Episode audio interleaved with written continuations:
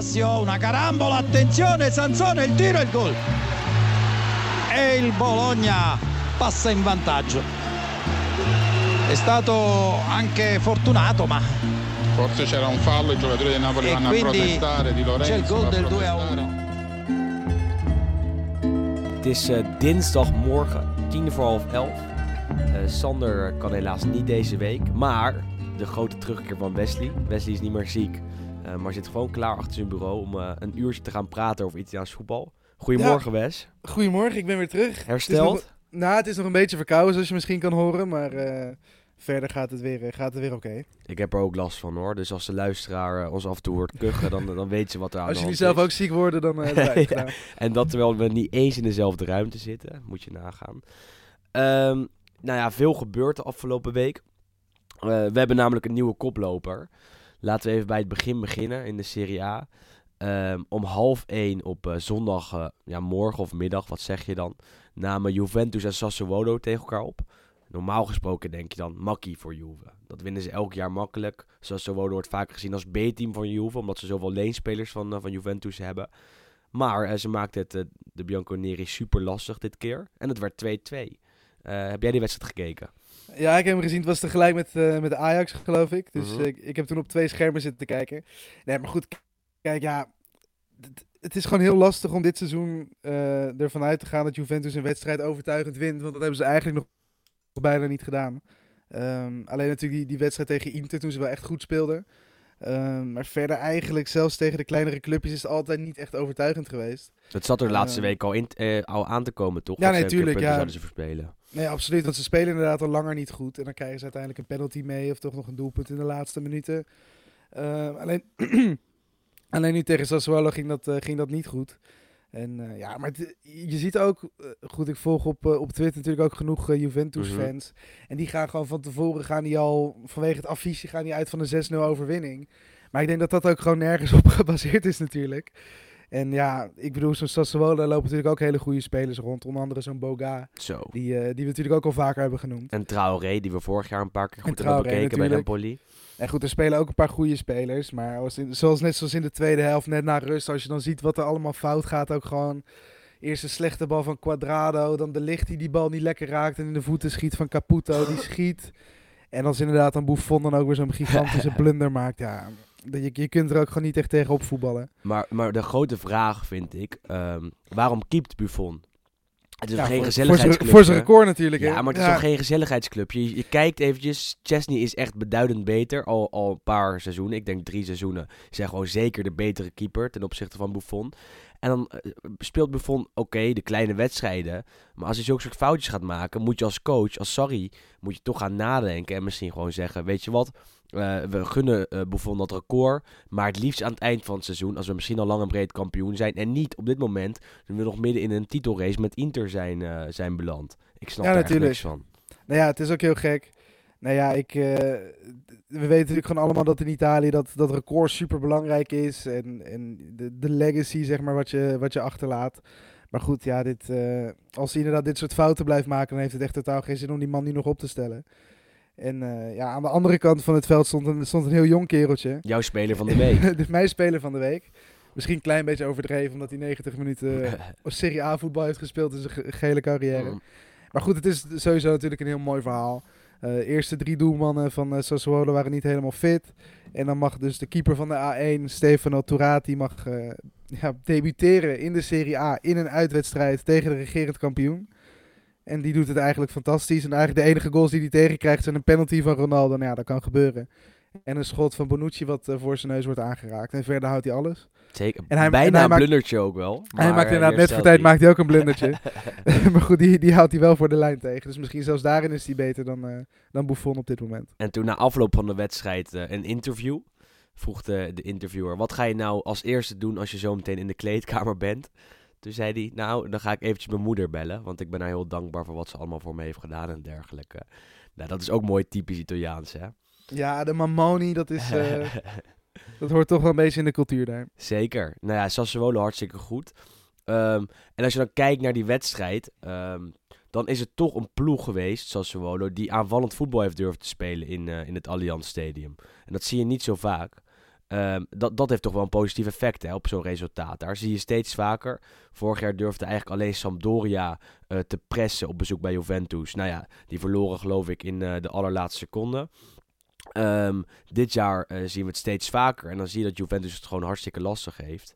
Ehm, denk je dat dat de way to go is voor kleinere ploegen op bezoek bij Juventus?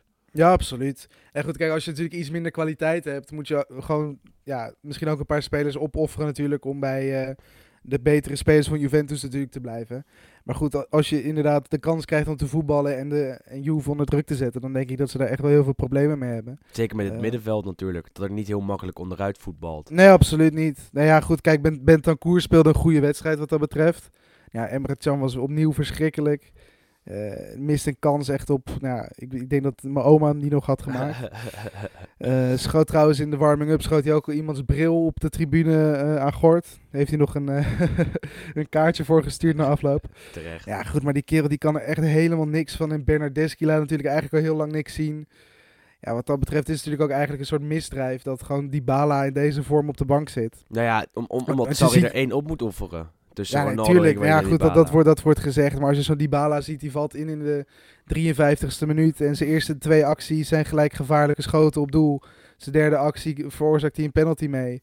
En je ziet gewoon gelijk vanaf het moment dat hij op het veld komt, dat Juve drie klasses beter wordt. En dat komt niet doordat Cristiano Ronaldo en, en Higuaín dan opeens beter gaan spelen. Maar dat komt echt puur door Dybala. Ja, maar moeten we even kijken hoe we Juventus nu aan het afkraken zijn. Ze hebben het minste de tegendoelpunten van de Serie A. Eh, ze staan gewoon eh, nou ja, tweede met eh, drie keer gelijk spel en elf overwinningen. Nul keer verloren. Nou ja, misschien is er gewoon één ploeg die op dit moment iets beter is, hè Wes? En dan weten Ja, we allebei over wie we het hebben. Nou, Begin maar met je lofzang. Nou ja, ehm, het was niet zo goed tegen Spal hoor, moet ik eerlijk zeggen, afgelopen zondag. Inter had vorige week midweeks een lastige Champions League wedstrijd tegen Slavia Praag op bezoek in Tsjechië. En uh, dat was gewoon vrij zwaar. Dat zag je ook tegen uh, Spal. Ehm Eerst zelf lukte het Inter om, om echt heel veel druk te geven, druk te zetten. Heel veel kansen gecreëerd. Waarvan Lautaro Martinez, dat de speler van, die de speler van de week is van Sander trouwens, die er nu niet bij is, twee keer afmaakte. En Inter had eigenlijk vaker moeten scoren. En dat lieten ze na. En dan zie je dat, dat er nog steeds iets van het oude Inter in deze selectie zit. Want iets na rust uh, maakte Spal de 2-1. De doelpunt van Valotti, die zo ja, gewoon door de verdediging heen kon lopen van Inter. De Vrij die greep niet in. Dus 2-1. En vanaf dat moment, minuut 50, heeft Spal eigenlijk druk gezet. Kon Inter nog één keer scoren om te beslissen, lukt het niet. Uh, maar was Paul eigenlijk de betere ploeg. En dan zie je toch dat er een soort van paniek uh, insluipt. Hè? En dat is ook de Italiaanse manier van een voorsprong verdedigen. Eén doelpunt voor is genoeg. We gaan niet uh, doorzetten naar de 3-1, 4-1, 5-1. Maar we houden deze overwinning gewoon binnen. En zorgen dat deze over de streep wordt getrokken. Nou, en dat gebeurde. Dus ze wonnen met 2-1. En gingen daarmee Juventus voorbij, dat eerder op de middag al gelijk had gespeeld tegen Sassuolo. Heel San Siro ontplofte. Want ja, Inter is terug, hè, Wes? We, we zijn er weer. Het is ja, goed, andermaal de bevestiging. Nee, absoluut. Nee, maar ik heb vanaf het begin van het seizoen natuurlijk gezegd dat, uh, dat Inter echt lang mee gaat doen. Ik heb ze volgens mij in de, in de voorspelling zelfs als kampioen opgeschreven, dus kun je nagaan. Er komen mooie tijden aan voor jou. Ja, maar jouw voorspellingen die geloof ik niet meer, Wes. Brescia 8 Nee, maar um, laten we vooropstellen dat ik, dat ik er wel steeds meer in begin te geloven. Want het is nu natuurlijk uh, 3 december en Inter staat nog steeds eerste. Inter doet nog steeds vol mee. Pas één keer gelijk gespeeld, pas één keer verloren. Alleen zijn er natuurlijk wel problemen die je uh, moet oplossen in januari. zeg ik elke week. Maar er moeten in januari een middenvelder bij komen. En een, uh, er moet een middenvelder bij komen en ook een spits aan de selectie worden toegevoegd.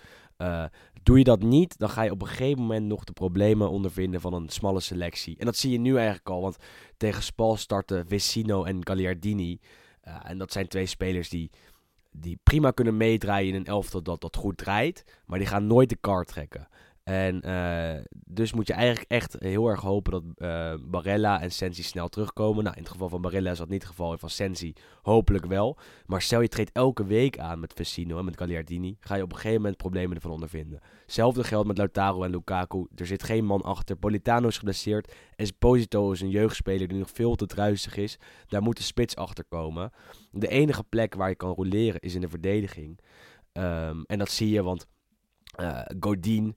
Eh, die is over datum en dat, dat, dat, zie je eigenlijk elke week. Die is prima, maar die kan maar één wedstrijd per week spelen en die wordt er gepasseerd. Eh, en dan speelt D'Ambrosio of, eh, of iemand anders. Ehm, dus, dus er moet iets worden toegevoegd, Wes. En dan ga ik erin geloven. Nu nog niet, na 14 eh, competitiewedstrijden. En wat voor namen moet ik dan aan denken, ook, ook, ook op die spitspositie bijvoorbeeld? Eh, nou ja, eh, ik ben natuurlijk geen eh, Gianluca Di Marcio, die ik de vorige podcast de god van de Italiaanse transfermarkt noemde. Maar eh, laten we zeggen dat, dat, dat, dat in de spits ehm, eh, de naam van Giroud heel erg de ronde doet. Ehm, dat is een speler die echt eh, voor het spel van Conte gemaakt is. Die de bal vast kan houden als, eh, als aanspeelpunt. En hem dan door kan sluizen aan een, aan een loper om hem heen. Dus die zou dan de rol van Lukaku moeten invullen. Ehm, op het middenveld wordt uh, Kulusevski genoemd van eh, Parma of Atalanta. Want hij staat nog onder contract van Atalanta. Wordt verhuurd aan Parma. Ehm, en eh, Rodrigo de Paul van Udinese. Ehm, en, en die naam die gaat eigenlijk al... Ja, nou ja, laten we zeggen, al een paar seizoenen rond. En die wordt al heel vaak gelinkt aan Inter. En dat is een speler die, die goed genoeg zou zijn voor Inter. En die, die iets creativiteit kan toevoegen als er bepaalde spelers ontbreken. Eh, dus dat zijn wel spelers waar ik eh, prima voor zou tekenen. Giroud iets minder, want ja... Hè, eh, ja, wat, wat is dat nou voor spits, toch? Is, is Ja, dat nou goed. een topspits of niet? Of wat, wat, wat is hij? Ik, Ik denk dat het gewoon een hele een, een spits is die altijd op het goede moment bij de goede club zit. En daardoor toch best wel opvalt. En Ja, maar het voordeel heeft dat het een Fransman is en Benzema niet, mag, niet uitkomt voor het nationale elftal. Nee, ik maar denk dat ja, hij anders, ja, het is inderdaad geen topspits. Het is beter dan Petanja of iets dergelijks. Die Dat dan zou kunnen halen. Want, want het is duidelijk dat Conte een aanspeelpunt he- wil. Eh, en dan is Giroud eh, de man. Want Giroud die zit op de bank bij Chelsea. eh, speelt daar eigenlijk niets en wil vertrekken. Ehm, en dan vergeet ik nog één naam aan het lijstje van net. Artu- Arturo Vidal is een beetje in dezelfde, dezelfde situatie beland bij Barcelona. Speelt te weinig, vindt hij. En Marotta, de technisch manager van Inter, of de technisch directeur van Inter, die heeft al gezegd dat hij heel erg geïnteresseerd is in Vidal. Eh, doet hij niet zo vaak, dus hij, hij zet er een Maar goed, beetje die kennen op. elkaar natuurlijk ook van Juventus. Exact, exact. En die is kampioen geworden met Conte bij Juventus. Dus eh, eh, die is al... die heeft al ervaring met het spelsysteem van Conte. En die zou dus in januari in kunnen schromen en dan direct kunnen spelen. Want die begrijpt die spelprincipes, die begrijpt die looplijnen en weet ik wat allemaal. Als het goed is. Ehm, maar ja, we gaan het zien, Wes. Wat- Nee, je wat- bent wel positief voor het eerst in eh, twee jaar. nou ja, kijk, eh, eh, zeker. Nee, ja, maar het mag ook wel. Kijk, ik ben altijd pessimistisch. Ja, maar maar ki- kijk even hoe, hoe erg het genieten is. Als jij, als jij die wedstrijd aanzet, dan zijn er zoveel spelers waar je van, van, van kan genieten. En dan is Lautaro Martinez, de speler van de week van Sander, misschien wel het beste voorbeeld. die dit seizoen zo'n ontwikkeling rond, doormaakt. en, en uitgegroeid is tot, tot de absolute sterspeler van de Ner- Nerazzurri.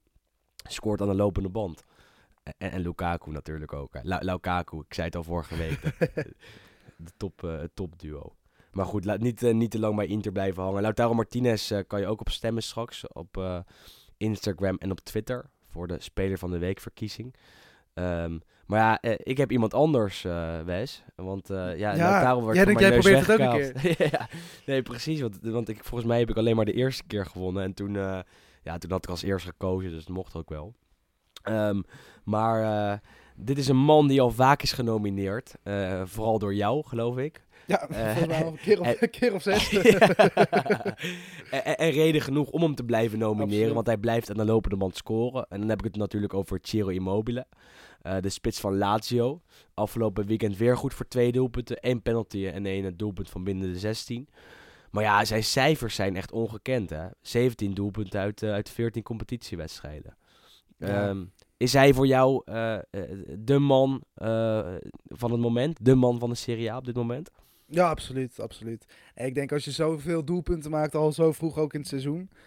Ik zag van Opta Paulo, de Italiaanse tak van de statistieken, zag ik volgens mij ook weer een dingetje voorbij komen dat hij de snel scorende spits was binnen de Serie A na zo weinig wedstrijden sinds nou, 60, 70 jaar geloof ik. Mhm. Ja, dat, is, dat zijn natuurlijk echt gigantische cijfers. En zelfs in de, in de andere grote vijf Europese competities staat volgens mij nog niemand hoger dan hij. Eh, zelfs Lewandowski niet, die natuurlijk in de, in de Bundesliga ook eh, uit de startblok is geschoten. In de vorm van zijn leven ook. Dus ja, eh, dat hij, dat hij lekker in vorm is, dat is natuurlijk een feit. Maar het ding is, het is nu nog wel bij een iets andere club. Kijk, zo'n Lewandowski en een Messi en een Ronaldo doen natuurlijk echt bij de top. En Immobile zit natuurlijk bij Lazio wel iets onder. Al draaien ze dit seizoen natuurlijk gewoon echt goed mee. Gewoon derde. Eh, maar ze staan gewoon ja, prima derde. Ook eh, wel natuurlijk iets achter de, de nummers 1 en 2. En ietsjes voor op de nummer 4 en, eh, en 5. Mhm. Maar goed, die doen het op zich goed. Maar het blijft natuurlijk wel een klein beetje een heel groot compliment voor Immobile. Maar toch met, ja, hoe zeg je dat? Kleine, kleine kanttekening daarbij. wat, wat, wat is de kanttekening dan? Ja, dat niet een absolute topclub is. Het Nee, is natuurlijk, nee, het maar is het is juist, knap, juist knap. Ja, Maar ja. Ehm, je vraagt je dan toch af om inderdaad, als je zegt van Immobile, is dat, nu, is dat dan ook echt een topspits? Ja, oké, oké. Ja, ja, dat, ja, dat, ja. dat vind ik dan lastig om te zeggen, omdat hij Maar- nog niet echt op het aller, allerhoogste niveau heeft laten zien. Hoe mooi zou het zijn als je hem eh, één of twee seizoenen bij Napoli zou zien? Hij komt uit, uit eh, Napels en omstreken. eh, jongen van de regio, dus dat hoor je ook aan de naam. Ciro is een echte Napolitaanse naam. Hoe mooi zou het zijn om hem nog een paar seizoenen straks bij Napoli te zien? Ja, goed, het ligt er een beetje aan hoe die situatie daar zich eh, ontwikkelt Ja. natuurlijk. Kijk, als Napoli gewoon eh, nu straks de, de boel weer op de rit krijgt en uiteindelijk gewoon in de top 4 eindigt, ehm, dan is het inderdaad een mooie stap eventueel voor volgend seizoen. Maar goed, de manier waarop het er daar nu een beetje aan toe gaat, lijkt het eerder andersom te gaan gebeuren. Dat Lazio eh, voorlopig eventjes een, een stapje voor heeft op Napoli. En goed, dan denk ik ook dat die Immobile lekker denkt van... hé, ik blijf hier. Ik ben topscorer bijna van, van de club, geloof ik. Meer dan 100 doelpunten voor Lazio al gemaakt. Eh, ik, ik denk dat hij dan ook geen reden ziet om, eh, om te vertrekken daar. En heeft de perfecte aangevers ook, hè, bij Lazio natuurlijk. Met eh, Luis Alberto achter hem, die op 9 assists staat. Met Tuco Correa, die afgelopen zondag twee keer op dezelfde manier werd neergehaald in de 16. En daarmee twee keer een penalty versierde.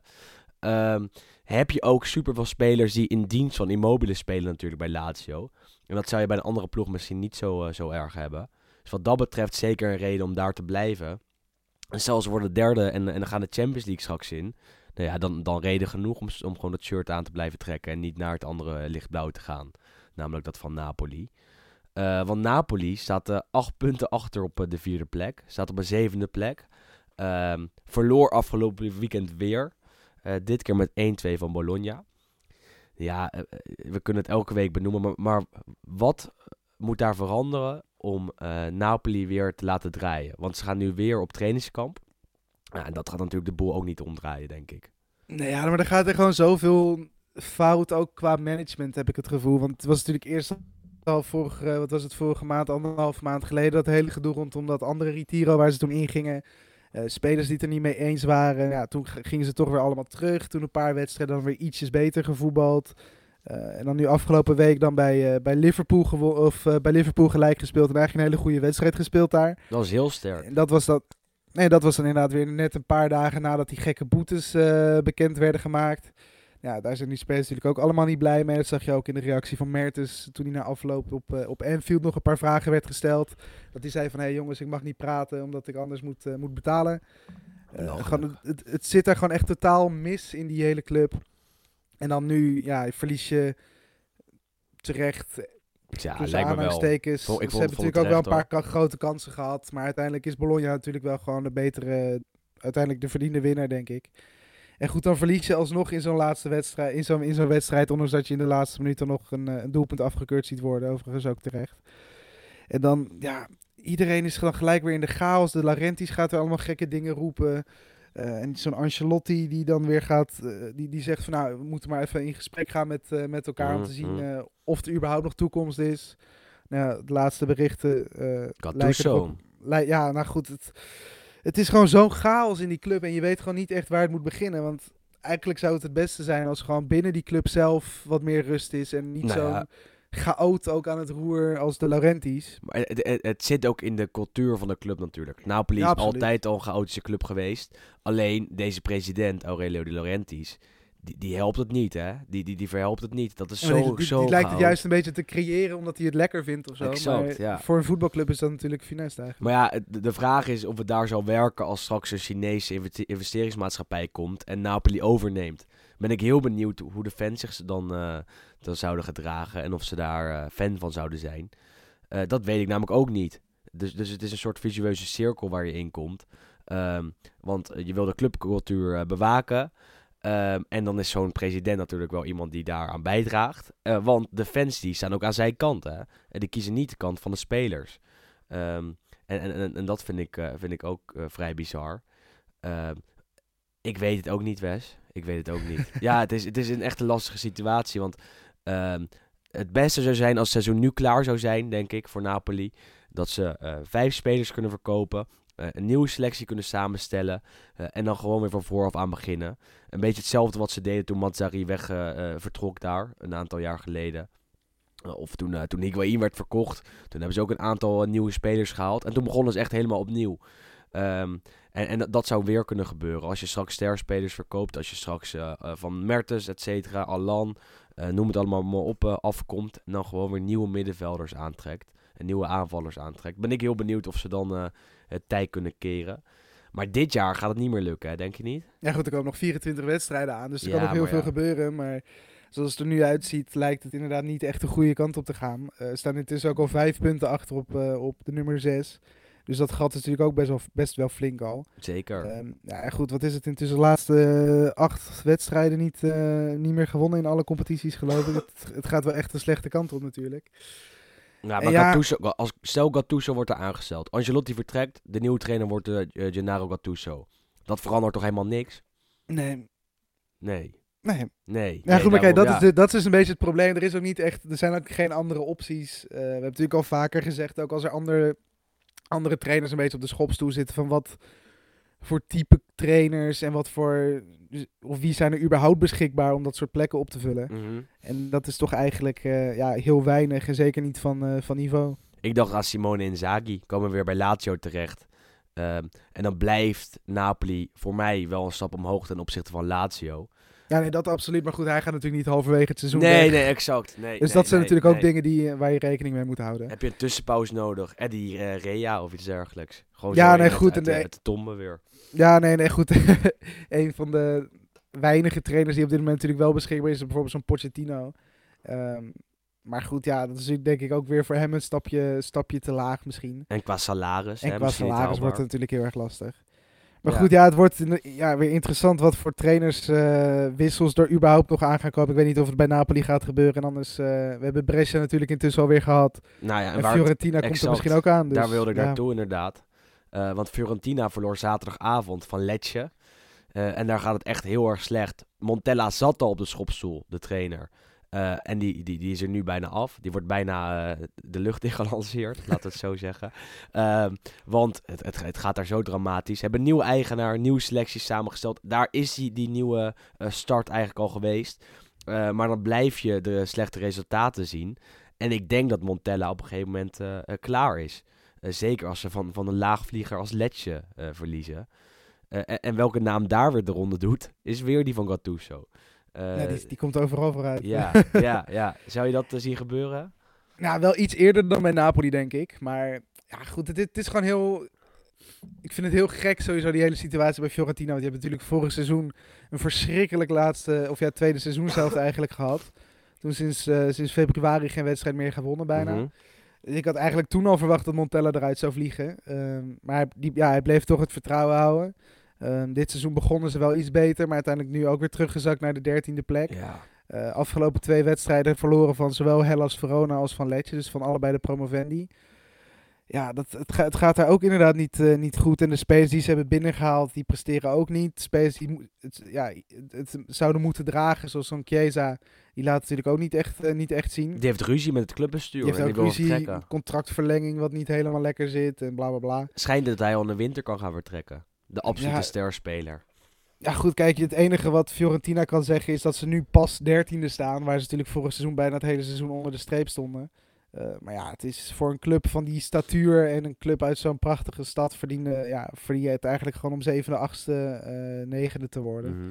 Ja, En goed, ja, ik vind Montella echt een verschrikkelijke trainer. Ik heb echt niet het idee dat hij iets toevoegt aan een van de clubs waar hij ooit trainer is geweest. nou ja, hij heeft het Eh. in zijn eerste periode bij Fiorentina wel aardig gedaan. Eh, en daarna vertrokken inderdaad en, en nooit meer gepresteerd. Bij Milan super slecht. Bij Milan niet en bij Sevilla was het natuurlijk ook al vrij dramatisch. Ja. En- ja, Ja. Het, is, het is gewoon niet echt een, een, een, een toptrainer. En dat hoeft natuurlijk bij Fiorentina hoeft dat niet per se. Maar die zijn wel gewoon toe aan iemand die de ploeg een beetje op de rit kan helpen. Maar ik vrees dan ook dat... Ja, Gattuso vind ik ook niet echt een- iemand die daar geschikt voor zou zijn op basis van het verleden. Zeg maar. Ik heb daar wel een naam liggen. Alleen die verdient al eh 6 miljoen per jaar door niets te doen. Door een beetje zijn wijngaarden rond te rijden. Luciano Spalletti. Komt uit Ja, eh, nee, maar dat zou prachtig zijn. Dat Ja, zou een perfecte naam zijn voor, eh, voor Fiorentina. Het is namelijk een man die, eh, die rust brengt. Die eh, eh, een, eh, een elftal kan opbouwen. ehm, de weg kan blaveien naar een, naar een betere toekomst. Heeft hij bij Inter ook gedaan. Twee keer vierde geworden. Hij had altijd zijn doelstellingen. En hoe mooi zou het zijn als een man uit Toscane. Eigenlijk een man van de regio. Een man van Fiorentina zelf ook wel. En van Empoli iets meer misschien nog wel. ehm, dan trainer van Fiorentina zou kunnen worden. Ik, ik zou dat mooi vinden hoor. Ja, dat zou het mooiste zijn. Maar goed, ja, geld hè. Ja, zeker. Nee, want dat is ook de reden dat hij geen trainer van Milan werd. Omdat eh, Inter hem doorbetaalt.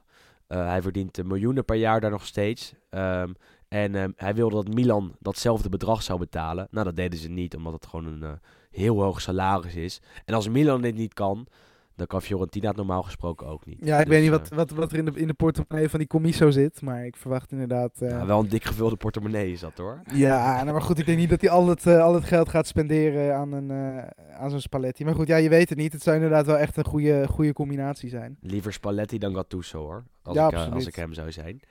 Ehm, maar goed, ook dat even besproken.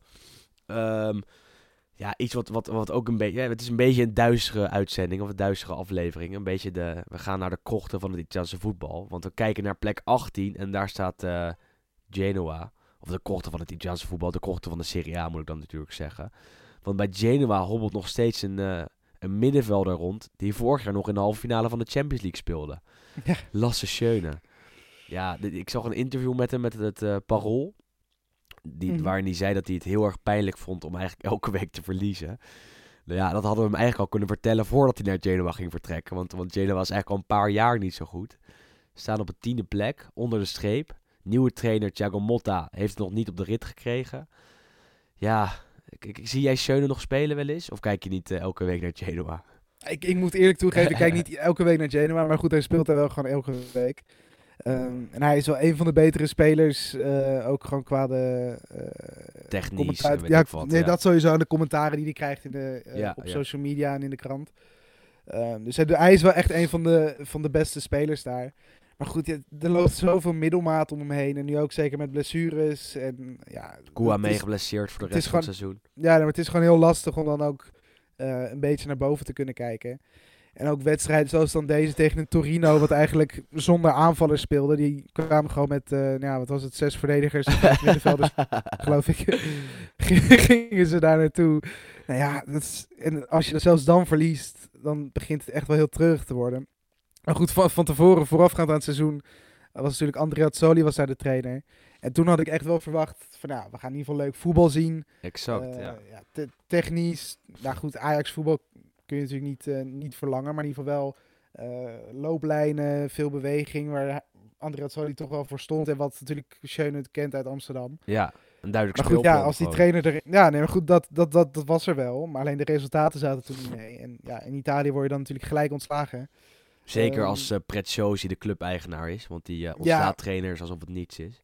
Ja, goed. En uh, Thiago Monta natuurlijk is eigenlijk een beetje hetzelfde als zo'n Gattuso. heeft echt nog heel weinig bewezen. Um, ja, het is eigenlijk heel sneu. En goed, ja, ze, gaan, staan nu zelfs lager dan vorig seizoen. uh, waarvan eigenlijk niemand dacht dat dat mogelijk was.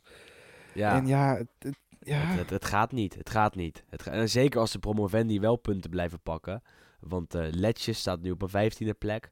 Uh, Hellas Verona, of Verona zeggen we dan eigenlijk normaal gewoon, staat op een negende stack.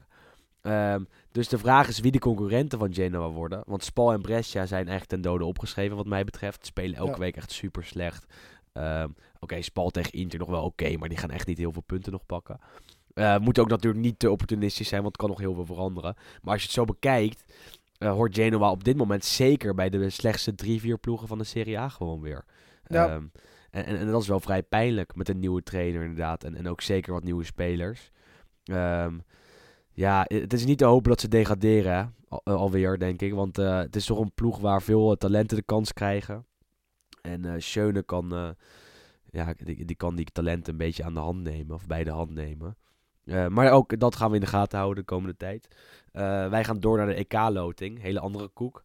Italië speelt alle drie de wedstrijden in Rome. En de tegen tegenstanders zijn bekend. Namelijk Turkije, Zwitserland en Wales. Nou ja, dat lijkt me toch wel positief, hè? Ja, nee, goed. Zeker als je ziet wat voor ploegen er ook ge- getroffen konden worden. We hebben natuurlijk de, de, de groep des doods, de pool des doods, groep F. Met eh, Frankrijk en Portugal en Duitsland. Eh nou goed, nu is dit eh, EK natuurlijk zo ingericht dat je zelfs als nummer drie geloof ik nog doorgaat. Dus wat dat betreft Oh, is dat het is natuurlijk nog niet... zo natuurlijk, ja. Ja, er is natuurlijk niet heel veel paniek. Het is vrij, vrij eenvoudig om die groep door te komen. Maar toch, ja, ik denk Turkije, Wales en Zwitserland ook gewoon al leuk. Omdat het teams zijn die niet heel vaak tegen elkaar spelen.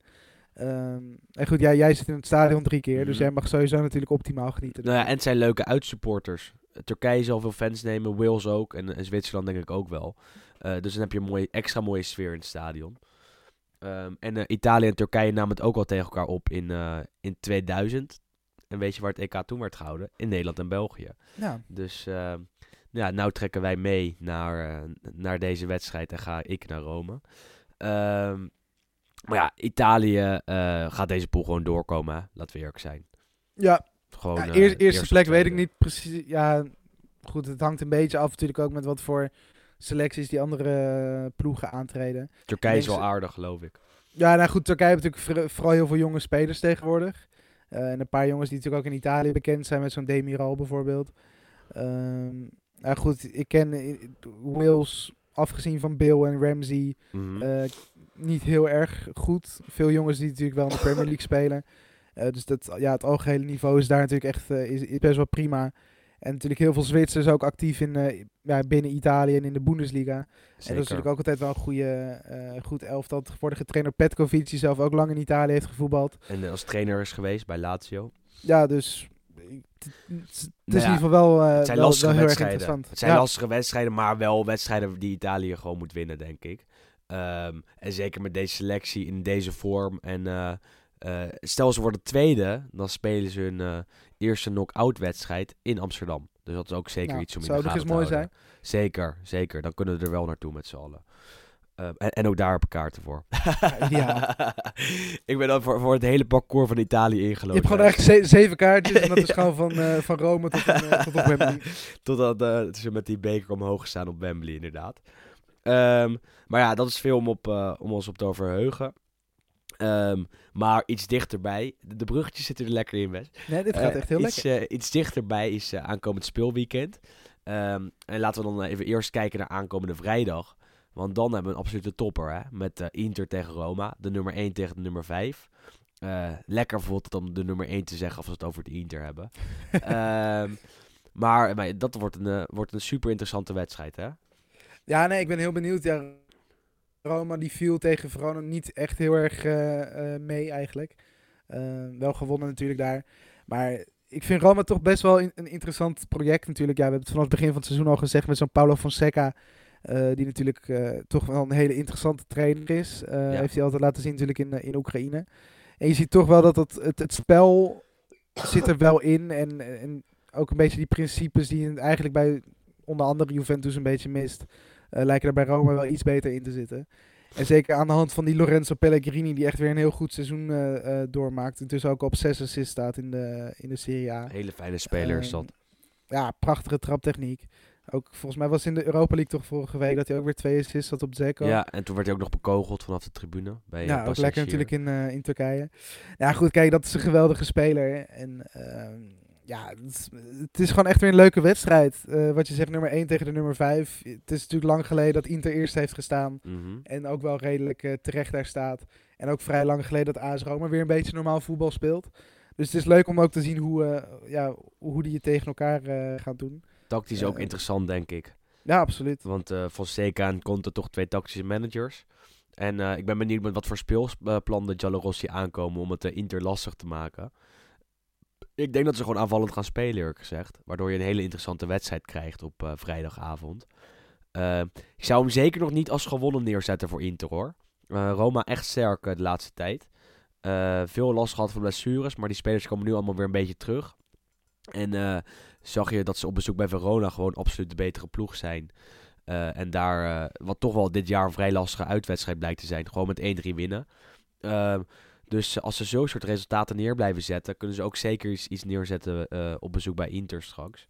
En goed, voor Dus, Inter eh, is natuurlijk ook eigenlijk pas iets van de, wat is het, tweede, derde echte topper van het seizoen. Ja, de tweede zou ik nog- zeggen, ja. Ja, we hebben nog niet echt grote ploegen gehad. We hebben natuurlijk van Milan wel gewonnen. Uit dan, bij Cagliari ook. Ja, oké. Als je inderdaad op de stand kijkt. Maar echt Ja, qua, ja, qua naam natuurlijk. Verloren van Juve en dan gewonnen bij Milan. Dat zijn eigenlijk de enige twee grote wedstrijden die eh, Inter heeft gehad. Verloren van Barcelona, verloren van Dortmund. Ja, nee, goed. Ja, binnen I- in Italië had ik het, eh, bedoelde, ja, bedoelde ik meer. Maar goed, ja, Roma is dan toch wel weer een grotere naam. Eh, dus het is ook interessant in- inderdaad om te zien of Inter het dan wel weer, wel weer echt kan laten zien. Zeker, ja. En, en afwachten met wat, wat voor middenveld Inter dus verschijnt. Ehm, tegenover dat middenveld van Roma, dat de laatste tijd dus wel vrij goed staat. Zeker een wedstrijd om, eh, om te gaan kijken. Ehm, en de dag later, ook om eh, kwart voor negen, eh, spelen Lazio en Juve tegen elkaar. En dat is ook gewoon een topper. Hè? Lazio derde, Juve tweede. Vooral Lazio goed in vorm. Juve, als je naar de wedstrijden kijkt, niet. Maar als je naar de uitslagen kijkt, wel. Ehm, nou ja, kan Immobile Juve op de, op de pijnbank leggen? Ja, absoluut. Zeker. Nee, absoluut. Nee, ik denk... eh, goed, het is de eerste van de twee wedstrijden. Want ze spelen later dit jaar ook nog eh, tegen Lazio voor de Supercoppa. Ehm, In Ja. Saudi-Arabië. in Saoedi-Arabië natuurlijk. Het pittoreske Saoedi-Arabië. Ja, ja, erg leuk altijd. Erg gezellig. Eh, nou ja, goed, kijk, ik denk dat Lazio echt wel kans maakte. Tegen, zeker tegen dit Juventus, wat natuurlijk niet echt eh, soepel draait. En met een, eh, met een Immobile in vorm kun je best eh, zomaar tegen een, eh, een 3-4-0 nederlaag aanlopen als je niet, niet uitkijkt, denk ik. Maar goed, ja, het blijft inderdaad een, toch een wedstrijd op zich. Vooral omdat Juve natuurlijk in die topwedstrijden vaak wel juist weer thuis geeft. Ehm, ja, maar het zal echt afhangen ook van wie er spelen. Ik denk, die Bala kun je gewoon niet op de bank houden. Als je die nu nog een keer op de bank laat zetten, dan is die denk ik en weg in, in december of januari straks. En dan verlies je deze wedstrijd. En beslis het dan een keer hè, daar bij Lazio. Ja, ja, goed, nee, maar het is. Ik de vind het. allerlaatste seconde. Ja, absoluut. Nee, het is een geweldige speler. En zeker ook als je kijkt naar de vorm waarin zo'n Ronaldo verkeert op dit moment. Dan zou ik gewoon 9, 99 van de 100 wedstrijden zou ik gewoon die ballen erin zetten in zijn plek. Ronaldo gisteren wel verkozen tot beste speler van de Serie A van vorig seizoen. Hè? Moeten we ook nog even benoemen Ja. natuurlijk. Hij ging niet naar het Ja, eh, Ballon nou. d'Or gala, maar wel naar het gala van de Serie A. Omdat hij daar wel een Dat prijs kon ik. winnen. Ja, goed, ik snap het ook wel als die prijs gepresenteerd wordt door die Letta Leotta. ja, dat zou ik ook komen. Zou ik lopend naar Milaan gaan. Absoluut. Ja, goed, kijk. eh, dit seizoen is het gewoon echt dramatisch wat hij laat zien. En die Bala, als hij iets, tenminste als hij de, tijd krijgt, dan is het wel goed. Eh, maar ja, ik snap ook wel dat het voor een Sarri lastig is om te zeggen van... Hey, ik passeer zo Ronaldo echt gewoon voor een paar wedstrijden op rij.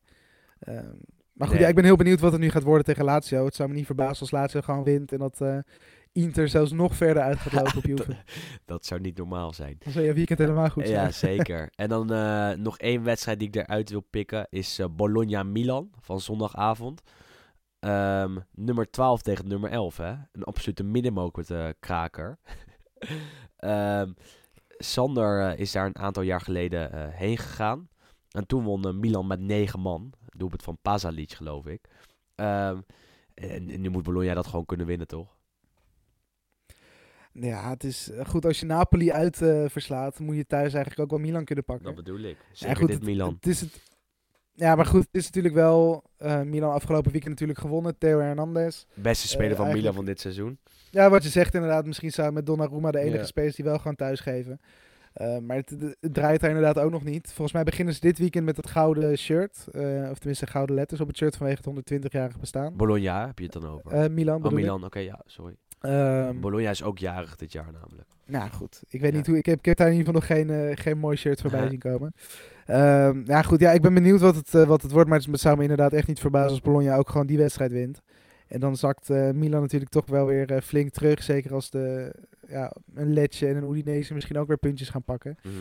Ehm, ja, ik ben, eh, ik, ben, ik ben heel benieuwd. Er kan, eh, kan weer veel gaan veranderen, zeker ook onderin. In ieder geval drie wedstrijden om, eh, om te gaan kijken. Dat is wel eens anders geweest de afgelopen weken. Gewoon vrijdagavond zit je goed, zaterdagavond zit je goed en ook zondagavond. Dus het wordt niet, niet uitgaan het weekend West, maar gewoon klaarzitten en Serie A kijken. Ik heb er al zin in hoor. Absoluut. Hey, en ehm, eh, dan hebben we natuurlijk als afsluiter een prachtige column van Joriaan van Wessem. Hij gaat het keer over Van Basten. En daar wil ik het toch nog heel eventjes over hebben. Want eh, Van Basten wordt natuurlijk super erg opgehemeld. En die is denk ik de beste Nederlander ooit die in de Serie A heeft gespeeld. Hoe jammer is het dat wij hem niet eh, in actie hebben gezien. Ja, heel jammer. Toch? Ja, ik, ik vind dat echt doodzonde. Dan, als je ziet hoe er over wordt geschreven en, en hoe er in Italië nog altijd naar hem wordt gekeken. als je het over Van Basten hebt. Eh, blijft het natuurlijk eh, eh, super jammer dat wij het moeten doen met... ja, Matthijs Licht is natuurlijk wel oké. Zo hetzelfde. Maar goed, ik denk dat dat onze podcast weer was van deze week. Ehm, nog even de dienstmededelingen. Luister ook vooral even de andere podcasts van FC Afkikken. Eh podcasts met Petersen, de PCV-podcast, de Pantelich podcast en de redactiepodcast natuurlijk ook gewoon. En ehm, geef ons, beoordeel ons op iTunes. Dat eh, helpt ons altijd heel erg in het eh, werven van nieuwe Italiaanse voetballiefhebbers. eh, van nieuwe volgers voor onze podcast. En vergeet niet te stemmen op jullie speler van de week. Die bol komt zo meteen online op Instagram en op Twitter. En dan ben ik benieuwd of jullie op Immobile, op Lautaro Martinez ehm, of op Turati, de keeper van Sassuolo, stemmen. Laat in ieder geval ons weten. En nou ja, dat waren de dienstmededelingen van deze week eh, Heb je eh, goed gedaan. luister dan alvast eh, ook zeker nog eventjes naar de, de prachtige column van Juriaan van Wessem, die de periode van Basten wel heeft meegemaakt. We kunnen alleen maar jaloers zijn, Wes. Absoluut. Tot volgende week. Tot volgende week. Het gaat deze week veel over Marco van Basten en terecht. Van Basten is nu 30 jaar later nog altijd de beste Nederlandse voetballer die in de Serie A heeft gespeeld. In Italië krijgen voetbalfans nog tranen in hun ogen wanneer je met hen over hem spreekt. Zijn kwaliteiten zijn zelfs een beetje onderschat, want in het begin van de jaren 90 was hij een grootheid van het niveau van Messi en Cristiano Ronaldo. Er waren wedstrijden dat je in San Siro zat te wachten op één briljante ingeving van hem, waarmee een gesloten duel werd opengebroken. Verdedigers konden wanhopig worden als hij toesloeg met één geniale actie. Maar hij was ook hard. Gaf wel eens een elleboogje weg. Omdat hij zichzelf te weinig beschermd voelde. Hij was ook meedogenloos. Naar tegenstanders, maar ook in de kleedkamer en zelfs tegenover journalisten. En hij had permanent ruzie met Arrigo Sacchi over de speelwijze. Wat dat betreft kwam voor hem de komst van Fabio Capello als trainer als geroepen. Hij beleefde onder die coach ook echt zijn beste periode. Helaas duurde dit maar anderhalf jaar. Marco was de maestro, een zwaan op het voetbalveld waar iedereen met bewondering en genoegen naar keek. Maar Van Basten was ook jongensachtig, zeker in het veld. In zijn eerste seizoen bij Milan moest hij herstellen van een enkeloperatie en trainde hij vaak alleen op een oefenveldje. Bij een schietoefening zonder keeper waande hij zich onbespied. Hij gaf na een schot in de kruising ook maar zelf commentaar.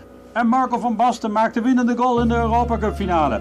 Hij wist niet dat Silvio Berlusconi en Adriano Galliani achter een struik naar hem keken. Dit moment schiep een band. Hij voelde zich betrapt, maar een paar maanden later stond hij op het EK met een zondagschot in het middelpunt van de belangstelling. En een jaar later stond de Europa Cup toch echt op het bureau van Galliani. Van Basten had in elke ronde gescoord. Marco van Basten werd de Leonardo da Vinci van het voetbalveld.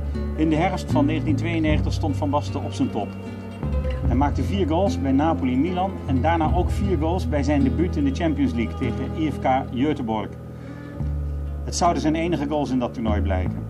In december kreeg hij voor de derde keer de gouden bal. Dat was best verrassend, want Risto Stoichkov was de grote favoriet voor de eindzege.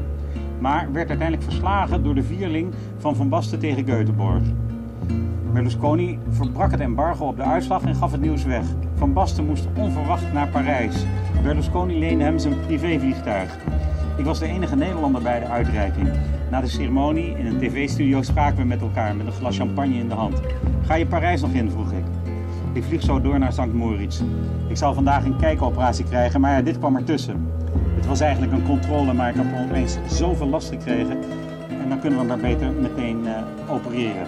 Ik denk dat ik na twee maanden weer zal spelen.